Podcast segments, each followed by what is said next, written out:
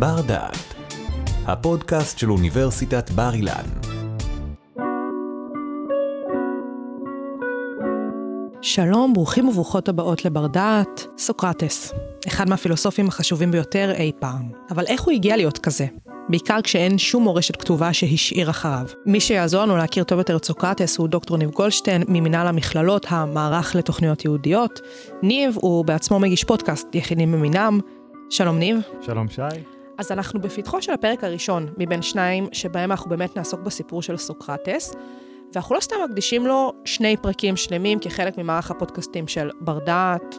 מה קורה עם הבן אדם הזה? איך הוא הצליח להשפיע כל כך הרבה?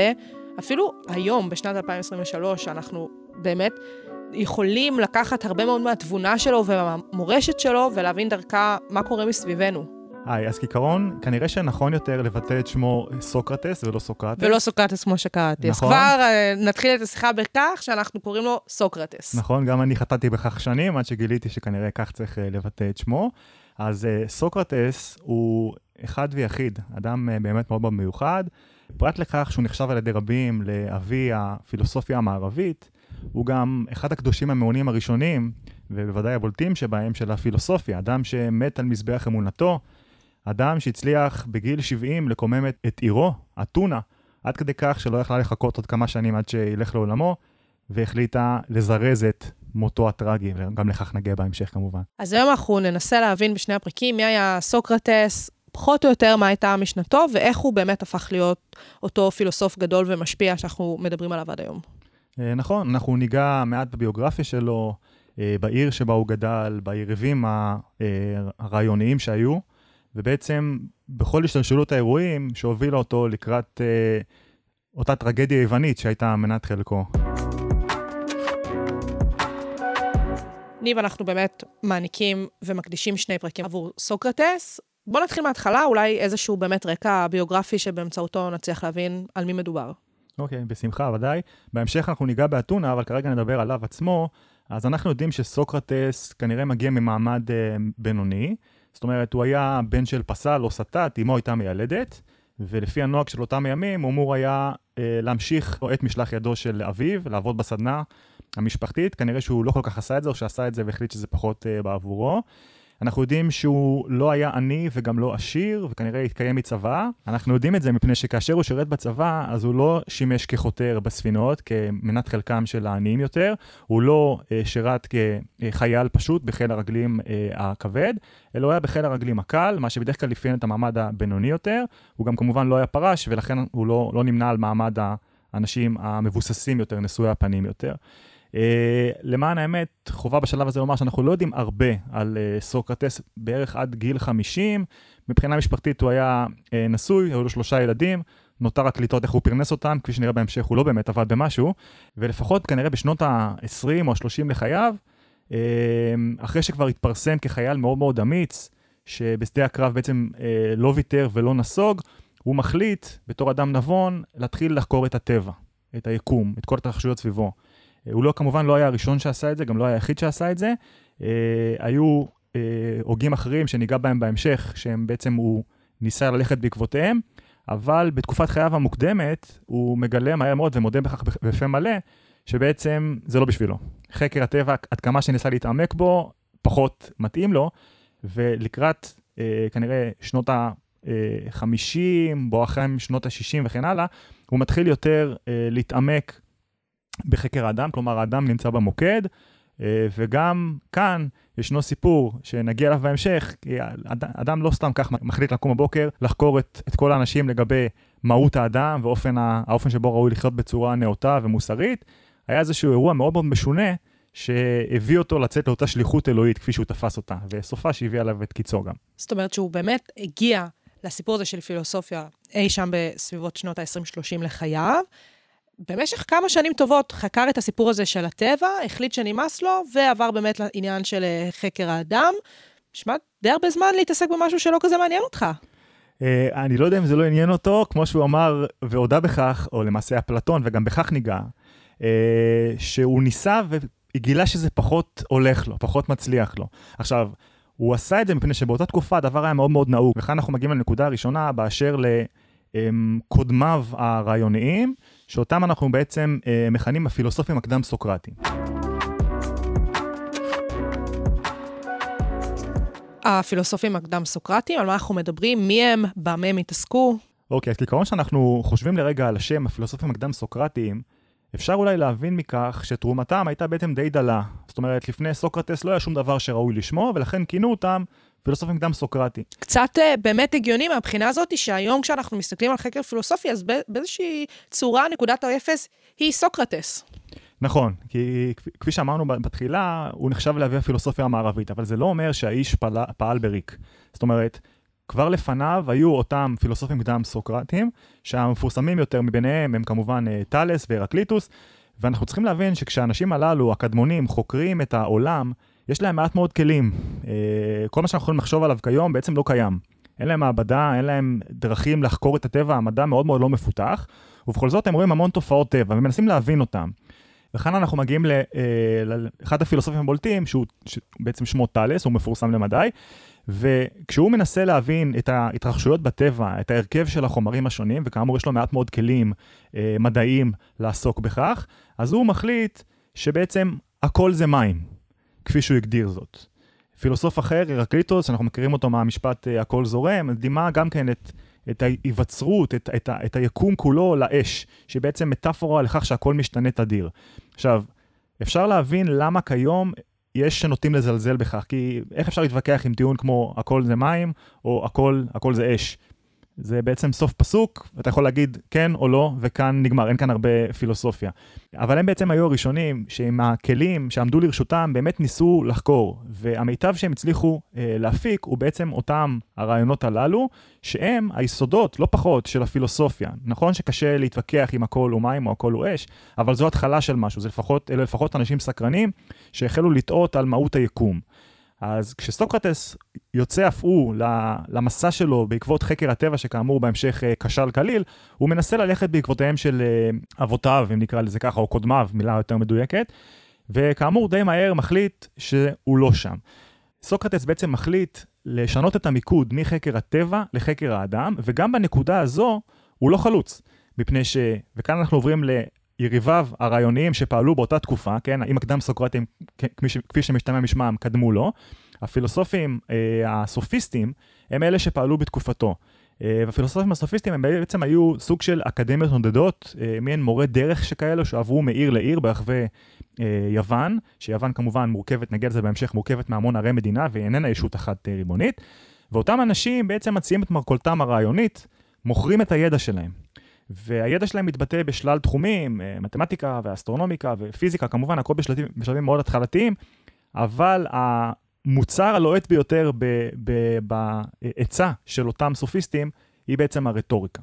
שמה זה אומר? רטוריקה אנחנו יודעים היום מה זה אומר, אבל בתקופה ההיא אנחנו מתכוונים למשהו אחר קצת. אנחנו מתכוונים פחות או יותר לאותו דבר, אנחנו מכירים גם ספרים של ספר שכתב אריסטו על הרטוריקה בין היתר, אנחנו צריכים להבין שבאותה התקופה, כאשר בעיר המדינה בייחוד בעיר המדינה האתונאית, הדמוקרטית, שככה נתגלגל אליה לאט לאט, אנחנו מצפים מכל אזרח אה, לבטא את עצמו. כלומר, להציע חוקים, להגן על החוקים שהוא הציע, לדחות חוקים של אחרים בבית המשפט, לתבוע אדם אחר, להגן עליו אם הוא חושב שהוא, אם הוא, להג... בעצם לטעון לחפותו. במילים אחרות, השליטה בשפה, ברהיטות הלשון, היא מאוד מאוד קריטית.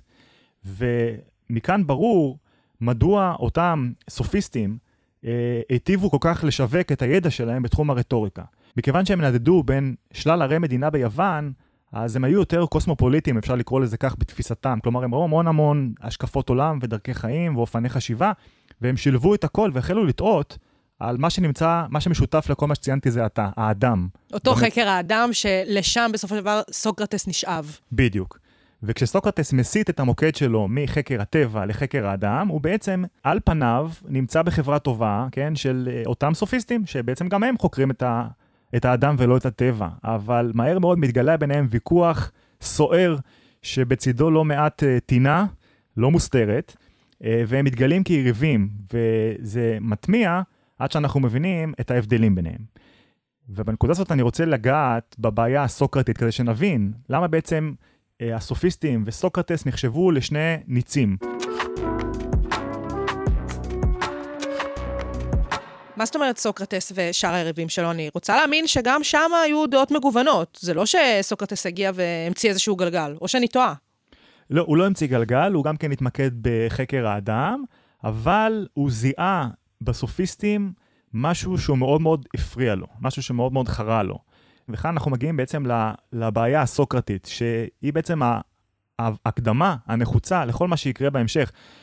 סוקרטס עצמו לא כתב דבר וחצי דבר עליו או על משנתו. נשאלת השאלה המתבקשת, איך אנחנו יודעים מה הייתה המשנה שלו אם הוא לא כתב דבר וחצי דבר על עצמו? בדיוק, ועוד כזה גדול. זאת אומרת, זה לא איזה מישהו קטן בהיסטוריה, איזושהי נקודה בזמן. אנחנו עד היום נאחזים במשנתו של סוקרטס. אז איך זה באמת קורה? אז זה קורה כאשר אדם בעצם מתמזג לחלוטין בפילוסופיה שלו. זאת אומרת, הוא לא כותב עליה, מרצה עליה, משכנע בה, אלא הוא חי אותה. וסוקרטס חי, ממש חי בכל רמ"ח איבריו את הפילוסופיה שלו, ולכן הוא לא כתב דבר. הוא העדיף לחקור אנשים, לחקור את עצמו, וכל מה שאנחנו יודעים על סוקרטס, אם כן, הוא במקרה הטוב ממקור שני, שזה בעייתי מאוד.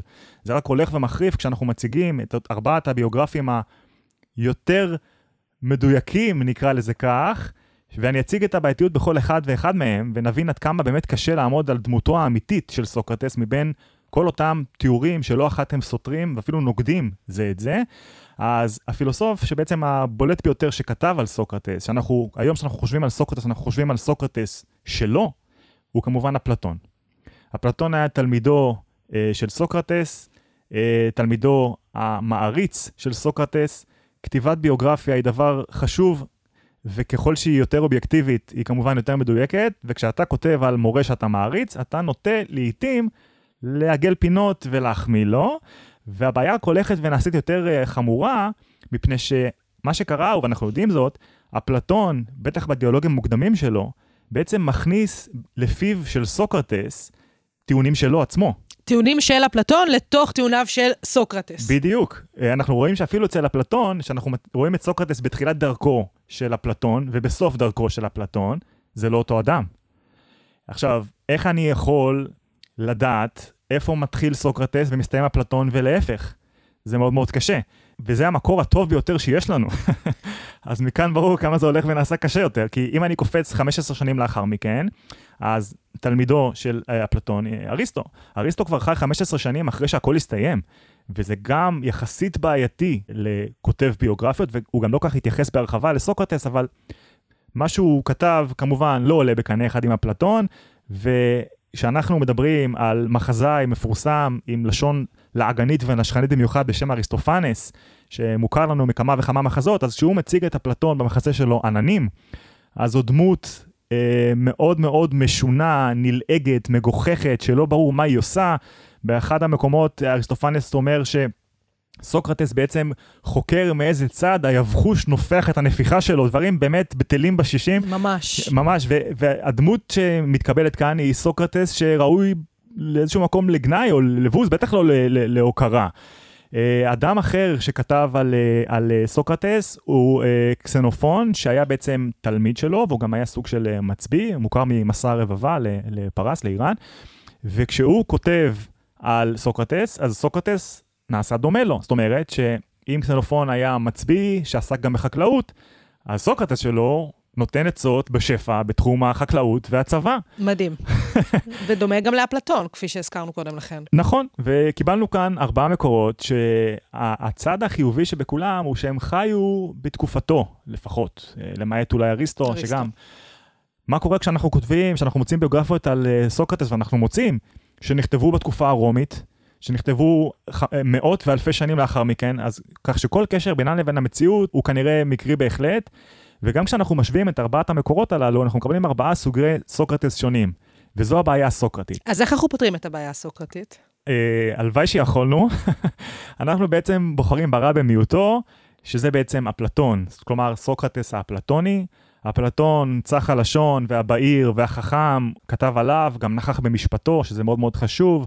אה, חי במחיצתו, ואם נרצה או לא נרצה, אז כמובן שסוקרטס, שאנחנו מדברים עליו ברגעים אלו ממש, הוא כעיקרון סוקרטס האפלטוני. זה התודעה הקיבוצית של כולנו, ככה היא מזהה את סוקרטס, עם מה שאפלטון, עם האופן שבו אפלטון בעצם uh, תיאר אותו.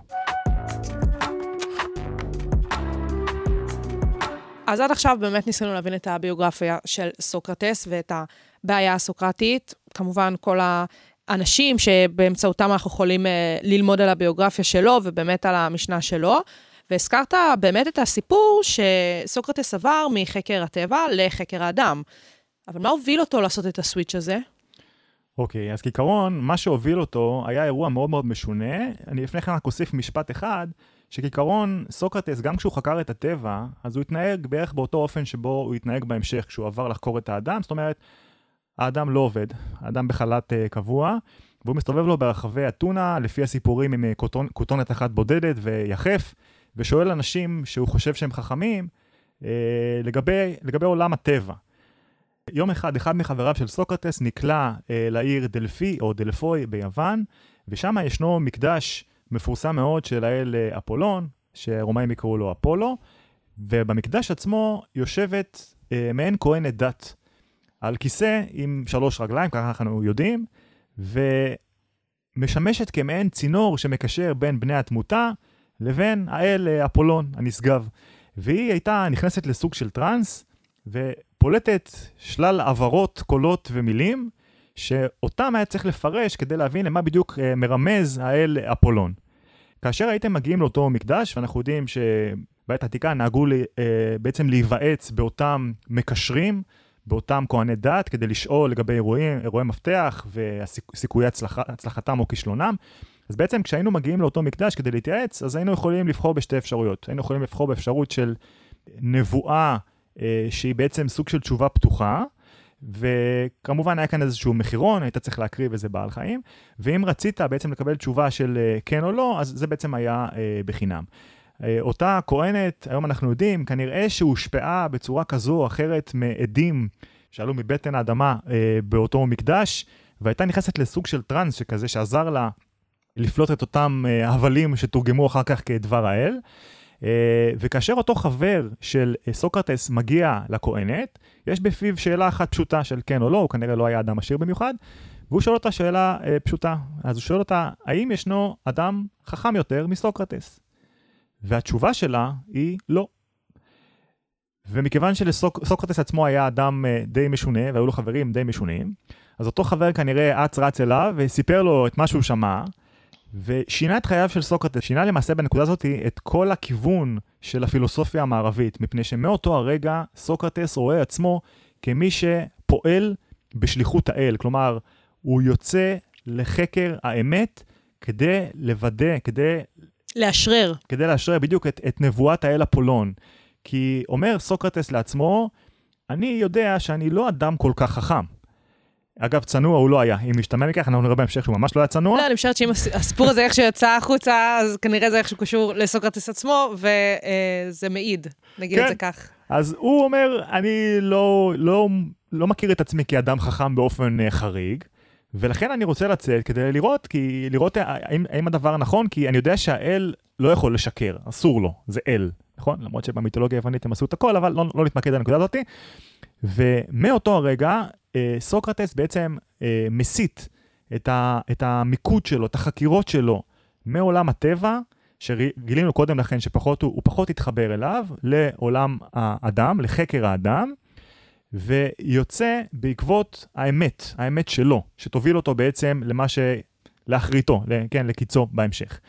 כדי שיוכל לדעת אם הנבואה היא נכונה או לא, והוא אגב כנראה מאמין שהיא נכונה, אבל הוא, זה מין מלכוד שכזה, אתה לא יכול להעיד על עצמך שאתה האדם החכם ביותר, הוא מחליט אה, לשחרר לטרף. מה זה אומר? הוא חוזר לאתונה, ושם הוא מחפש את כל אותם, כל אותם אה, אנשים בכירים, כל אותם אה, נשואי פנים, נכבדים, פרנסי העיר אתונה, שנחשבים לחכמים, הוא בעצם שואל אותם שאלות שדרכם הוא מנסה לראות, דרכן הוא מנסה לראות האם הם באמת חכמים כפי שהם מתיימרים להיות. ומה שהוא מגלה הוא שלא אחת בעולם העתיק, ממש כמו בימינו אנו, אנשים נוטים לחשוב שהם חכמים יותר ממה שהם באמת. כי זה הרבה יותר נעים לחשוב כך, נכון? אמ, וכאשר למשל הולך סוקרטס למשוררים, ששוררו על כל מיני אמ, אירועי מפתח וגרמו לאנשים התפעמות, הוא מגלה שהמשפט, למה התכוון המשורר, היה נכון כבר אז. לא אחת כשהוא שואל את המשורר, למה התכוונת באותו שיר שגרם לכולנו רטט? התשובה של המשורר היא לא ברורה, היא לא הגיונית, הוא לא יודע להסביר למה בדיוק הוא התכוון, ולא אחת פשוט שרתה עליו המוזה, והוא כתב את מה שהוא חשב לנכון. זה לא הופך אותו לאדם חכם יותר, גם לא לאדם טיפש יותר אגב, אבל... אה, זה מה שנקרא מסובך. בדיוק. עכשיו, המצב לא משתפר יותר כשהוא הולך לאנשים אחרים, למשל לפסלים, אה, או לפוליטיקאים, לא עלינו. גם אותם הוא שאל בעצם, ושם הוא מגלה תופעה אחרת, שגם אותה אנחנו מכירים כיום. זאת אומרת, אנשים שהם טובים בתחום אחד מסוים, נוח להם לחשוב שהם חכמים, מוצלחים, גם בתחומים אחרים שלא בהכרח משיקים לתחום ההתמחות שלהם. זאת אומרת, אם אני למשל פסל טוב, אני יכול גם לטעון לחוכמה בתחום הפילוסופיה. עכשיו, אין סתירה מובנית בין הדברים, אבל זה שאתה טוב בדבר אחד, לא בהכרח אומר שאתה חכם ומוצלח גם בתחום אחר. ואת זה מגלה סוקרטס. עכשיו, כשהולך סוקרטס בעצם חוקר, או יותר נכון לומר, צולב אנשים, והוא בדרך כלל אה, שאל אותם לגבי המידות הטובות שהיו מקובלות אה, ביוון, שזה אה, גבורה ומתינות ואומץ וכן הלאה, ונאמנות וכן הלאה, אז הוא, הוא בעצם ניגש לאותם אנשים והוא אומר להם, בוא בבקשה תגדיר לי איש חכם שכמוך, מהי חוכמה? מהו אומץ? מהי נאמנות? וכשאנחנו חושבים על המושגים הללו כיום, אז כל אחד מאיתנו, כל אחת ואחד מאיתנו, יכולים כמובן להגיד, אנחנו יודעים מהי נאמנות, דבר מאוד קל, אנחנו יודעים מהו אומץ. אבל לסוקרטס זה לא הספיק, הוא ביקש הגדרה מאוד מאוד מדויקת מבן שיחו, אה, ומהר מאוד אותה הגדרה שבתחילה בן שיחו חשב שהיא מוצלחת לעילה ולעילה, בעצם קועקעה לחלוטין על ידי סוקרטס. סוקרטס פועל בשיטה שנקראת דיאלקטיקה, שהוא לא היה הראשון שפיתח אותה, אבל הוא בהחלט אה, אה, שיפר אותה מאוד, ואותה שיטה אומרת, אני אשאל אותך שאלה. אתה תענה לי. בדיוק, ואני אפרק למרכיביה את התשובה שלך, ואנחנו נוכל לעיין בכל אחד מהחלקים ולראות אם הוא נכון או לא. ואם גילינו אה, פרחה מסוימת, סתירה מסוימת, אנחנו נפסול את כל ההגדרה. וכשאנחנו מעמידים למבחן את ההגדרות של כל אותם אנשים שהתיימרו להיות חכמים באתונה, אז כל שיחה של סוקרטס, ללא יוצא מן הכלל, עם אחד מאותם אנשים, מסתיימת בעלבון צורב לאיש שחשב שהוא וואי, חכם. וואי, וואי.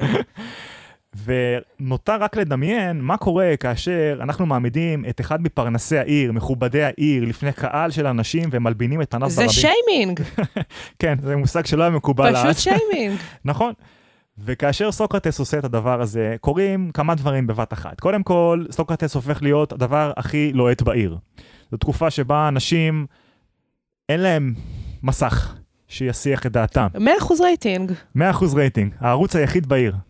אה, אז קודם כל, עדה של נערים וסקרנים ובטלנים משתרכת אחרי סוקרטס ברחבי העיר, ואותו אדם עם כותונת, עם כותנתו היחידה, יחף, היה בעצם מאפשר להם מדי יום ביומו לצפות באחד מנשואי פניה של אתונה, נצלב לו לאיתו. מה, זה בידור 100 מ-100. זה בידור בעיני מי שמסתכל מן הצד. לא ב- ממש. לא בעיני מי שנחקר באופן הזה. אבל זה רק בן אדם אחד, ויש לך עיר שלמה. נכון. אבל מה שקורה הוא שכאשר סוקרטס ממשיך באופן הזה, הוא מגלה בראש ובראשונה שכל מי שחושבים שהם חכמים, הם לא באמת חכמים. והוא מוכיח להם את זה באופן שאי אפשר להתכחש לו. ובבת אחת הוא מגלה ש... והוא הוא אומר זאת, אם אני חכם יותר מהאיש הזה, כי שנינו לא ידענים גדולים, אבל אם אני חכם יותר מהאיש הזה, זה רק בדבר אחד. שכשאותי שואלים משהו שאני לא יודע, אני אומר שאני לא יודע. והאיש הזה שמתיימר להיות חכם, מדבר שטויות. במקום פשוט להגיד, אני לא יודע. תחום ההתמחות שלי הוא א', שאלת אותי על ב', אני לא יודע. זאת החוכמה. וזה אחד המסרים החשובים ביותר של סוקרטס, שנגיע אליו כמובן בהמשך. Uh, הדבר השני שהזכרתי מקודם, הוא שכאמור, סוקרטס בעצם גורם למיטב הנוער ללכת בעקבותיו, מה שגורם לקושי מסוים ב, בסדר היום של אתונה, שבבת אחת גם גורמת לפרנסיה להיות מבוישים, אבלים וחפויי ראש בעקבות עוד חקירה של סוקרטס שאי אפשר להימלט ממנה, כי האדם כאמור לא עבד, אז היה לו המון המון זמן לתפוס את כולם. ולאט לאט, אך בהתמדה, בעצם סוקרטס מקומם נגדו את כל האנשים הכי חזקים ורבי השפעה בעיר. בטח, כי הוא בא ומערער את כל היסודות שבעצם גורמים להם להיות במעמד שלהם. בדיוק. הוא מציג את האנשים ה- שטוענים שהם חכמים כטיפשים. אה, וזה נשמע כמו בעיה. זה, זו בהחלט נשמעת כבע, כ, כבעיה.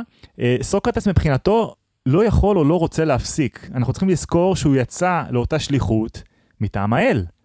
עכשיו, אם האל שלח אותך לשליחות, אתה לא אומר, מספיק. וסוקרטס עצמו, כפי, ש...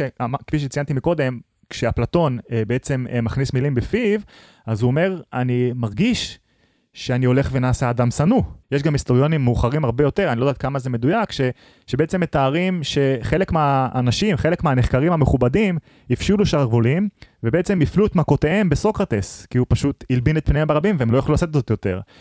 אה, ובאופן הזה, סוקרטס הולך ונדחק לפינה, אה, הפינה המסוכנת בעצם, שבאיזשהו שלב הגיעו מים עד נפש, וכל אותם האנשים, האליטה של אתונה, מחליטה שהמצב הזה לא יכול להימשך.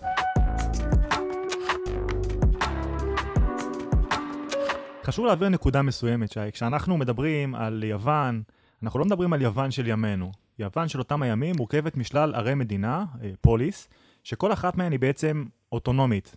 ערי המדינה היווניות של אותה תקופה היו בעצם מאוד מאוד מצומצמות בהיקפן, פשוט בגלל תנאי השטח ביוון, שהיא מדינה מאוד מאוד הררית, uh, ולכן אנחנו מדברים על סדר גודל של כעשרת אלפים uh, תושבים, זה הממוצע של ערי המדינה, כשאתונה היא שונה, אתונה יש בה כ-50 אלף uh, תושבים.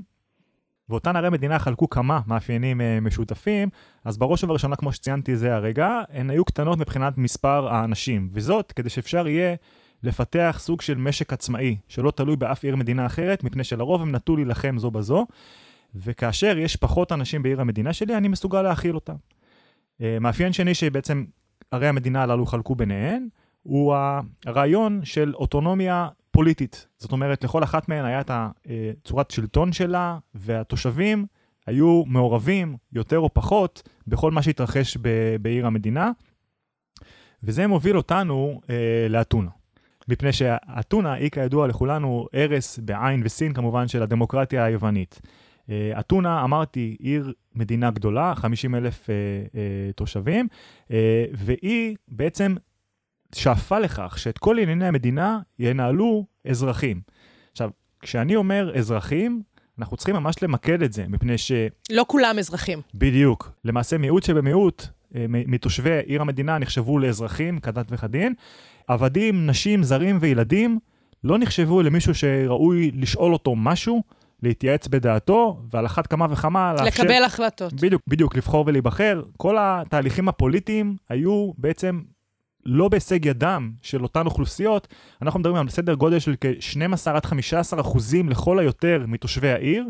כמובן, גברים שיכולים להרשות לעצמם, היה גם סיוע של העיר, אבל בגדול, גברים יותר uh, מבוססים, שמשתתפים בקבלת ההחלטות, ואתונה, עיר המדינה הדמוקרטית, התייחדה בכך שבעצם ציפו מכולם, כמובן מהאזרחים בלבד, ליטול חלק בניהולה של העיר. זאת אומרת שכל אזרח אתונאי מילא לפחות תפקיד אחד, תפקיד פוליטי אחד במרוצת ימי חייו, לרוב פעמים רבות.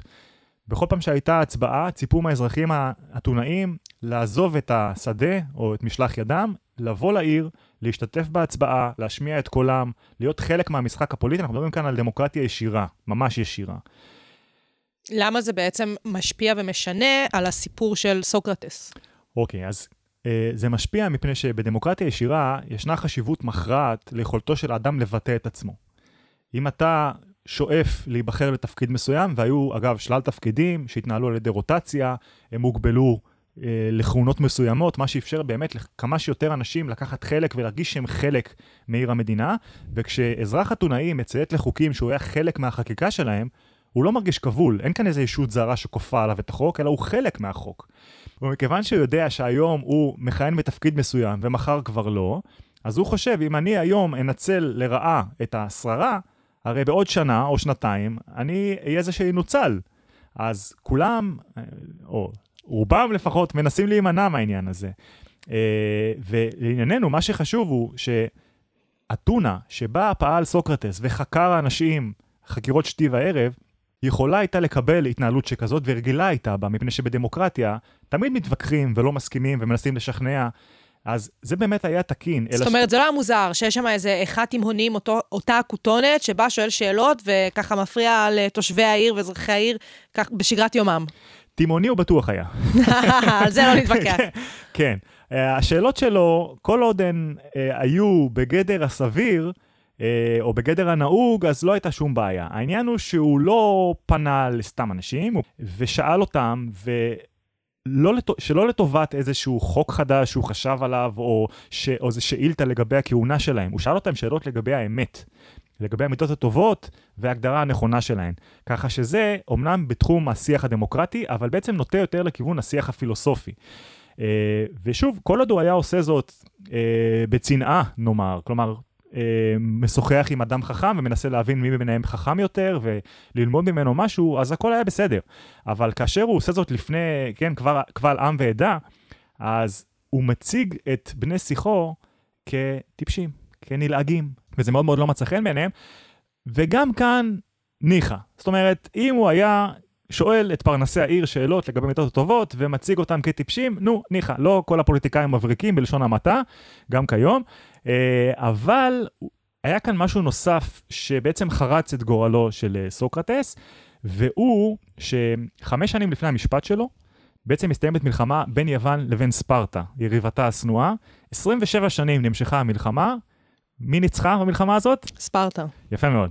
ספרטה ניצחה במלחמה הזאת, ובעצם היא מכתיבה לאתונה התנהלות בלתי דמוקרטית, כחלק מתנאי ההסכם, ההסכם התבוסה. של שביתת הנשק. בדיוק. ומה שקורה הוא שבאתונה קמות אה, שתי מועצות, או שתי הנהגות, שנקראות שלטון ה-30 ושלטון ה-400. זאת אומרת, אלה קבוצות קטנות שנשענות על כידונים ספרטנים. אלה אתונאים שמתעבים את הדמוקרטיה. כלומר, בני עירו של סוקרטס, שבאמצעות הסיוע, ההגנה הספרטנית, מנסים לקעקע את הדמוקרטיה האתונאית, כי הם לא התחברו אליה מלכתחילה. וכשאנחנו בודקים את שני האירועים הללו, שהיו אירועי דמים, מפני שאותם שלטון ה-30 ושלטון ה-400 שהזכרתי, הם בעצם שלחו לדרכן חוליות חיסול שרצחו את תומכי הדמוקרטיה באתונה. ואנחנו מגלים שלפחות במקרה אחד, מי שעמד בראשם היה תלמיד של סוקרטס. כשאנחנו מוסיפים דמות נוספת של אחד מתלמידיו אה, של סוקרטס, אחד מתלמידיו המפורסמים בהיסטוריה, אלקיביאדס שמו, אה, אנחנו מגלים למה תושבי אתונה החליטו שמשהו כאן לא בסדר עם סוקרטס. מפני שגם התלמיד הזה של סוקרטס, הזכרנו קודם את קריטיאס, אותו אדם שעמד בראש שלטון השלושים, אז כאן יש לנו תלמיד אחר של סוקרטס, אלקיביאדס, שברגע שתושבי אתונה מחליטים שהוא כנראה חיבל באחד המקדשים, במקום לחזור לאתונה, ואנחנו חלק מהדמוקרטיה, כן? להגן על עצמו בבית המשפט, מה שהוא עושה, הוא עורק לספרטה, ליריבה, ומעניק לספרטה את ידיעותיו בתחום הצבא כדי להילחם באתונה. כל הדבר הזה מתקשרנו לסוקרטס כי... כי הוא היה תלמיד שני של סוקרטס. ואז זה בעצם גורם לנו לשקול את המורשת והמשנה שלו? זה לנו לא, כי הוא תמיד טען, הוא גם יטען במשפט, שלא היו לו תלמידים באמת. הוא לא ניהל בית ספר. אגב, בשונה מאפלטון שהקים את האקדמיה, ובהמשך אריסטו, סוקרטס לא ניהל בית ספר, לא היו לו תלמידים רשומים. הם הלכו אחריו, וזה גם מה שהוא יטען. אבל כשתושבי אתונה אומרים, נו, קרה המקרה, וקריטיאס, אחד התלמידים, עמד בראש השלטון הרודני שהנהיגה ספרטה, קורה. אבל כשזה קורה פעם שנייה עם תלמיד נוסף שלו, עם אלקיביאדס, אנשים באתונה, שגם ככה לא שוכחים את העלבון שגרם להם סוקרטס לפני כולם כשהוא חקר אותם, אנשים מתחילים לחשוב, מה באמת סוקרטס מלמד את התלמידים שלו? מרימים גבה. כן. כי אם שני תלמידים פונים... זה כבר דפוס. בדיוק.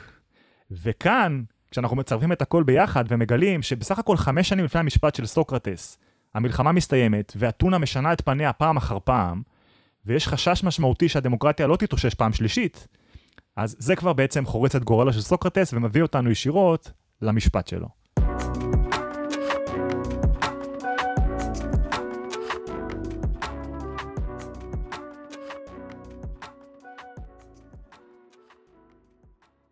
ניבה, אנחנו מגיעים לסיומו של הפרק הראשון שלנו בין שני הפרקים, באמת בסיפורו של אה, סוקרטס. ואם בפרק הזה אנחנו ניסינו להסביר מי הוא בכלל, מה הביוגרפיה שלו, כמובן על רקע אה, העיר אתונה, אה, איך הוא הגיע בסופו של דבר לחקור את האדם, וכמובן שעכשיו דיברנו על הטראבל מייקר שהוא היה, כי אי אפשר לקרוא לזה אחרת במאה ה-21. בואו ננסה להבין לקראת הפרק השני שלנו גם, למה כל החתירה שלו לאיזו אמת על רקע הגב, נקרא לזה ככה, שהוא מקבל מהאלים, למה זה גרם לו? לאן הוא הגיע? אוקיי, okay, אז הזכרנו מקודם אה, את הסופיסטים, אה, באותה, שפעלו בעצם באותה תקופה של סוקרטס, והזכרתי מקודם שלא הייתה ביניהם אהבה רבה. אז התשובה שלי לכך, ת, ת, תעזור לנו להבין מה שקרה בהמשך. בעצם אותם סופיסטים, לפחות לפי חסידיו של סוקרטס, שהם אלה שכתבו את ההיסטוריה ולא אותם כאמור, סופיסטים, כן, כן. אז הם מוצגים כמי שכאמור מוכרים את מרכולתם הרעיונית, אבל הדגש הוא על מוכרים. עוד עניין הוא שהם בעצם אה, לא התיימרו בשום שלב שהוא לחקור את האמת. ומכאן אנחנו נבין את השוני בין השניים, מפני שסוקרטס, כפי שתיארנו אותו זה עתה, הוא אדם עני. וזה אדם שיוצא בעקבות האמת שלו, למרות שהיא מסכנת אותו. והוא בעצם מוכן לחקור, לדבר וללמוד מכל אדם ועם כל אדם. ולעומתו הסופיסטים תבעו כסף בעבור שירותיהם, כך לפחות אה, לפי חסידיו של סוקרטס שכתבו את ההיסטוריה. והם גם בהיסטוריה, היחס אליהם הוא כמי שבעצם לא חיפשו את האמת, אלא חיפשו את האופן שבו הרעיונות שלהם, שאותם הם כאמור מכרו, יעזרו לקדם את מעמדו של התלמיד שלהם.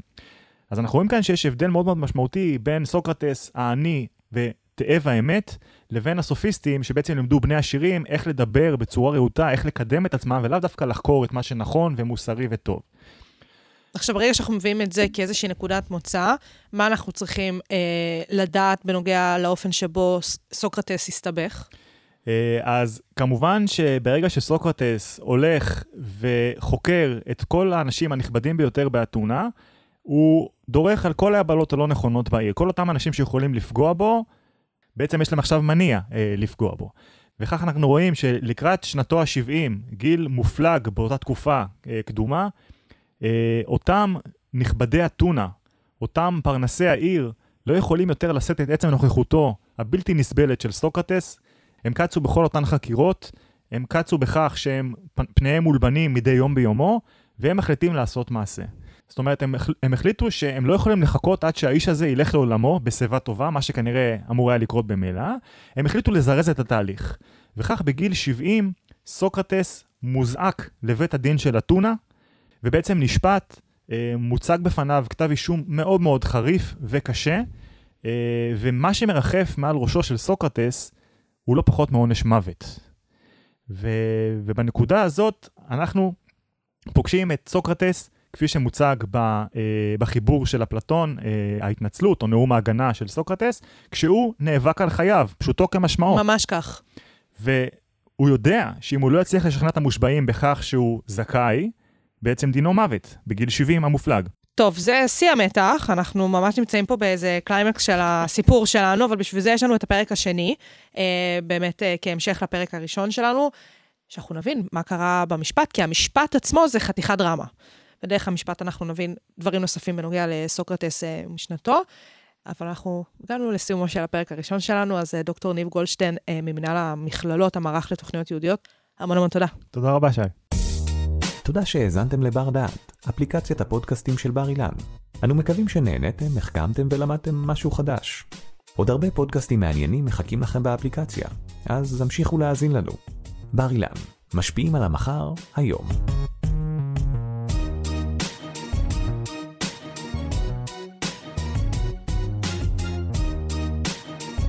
ערכה והפיקה שי קלוט. תודה על ההאזנה.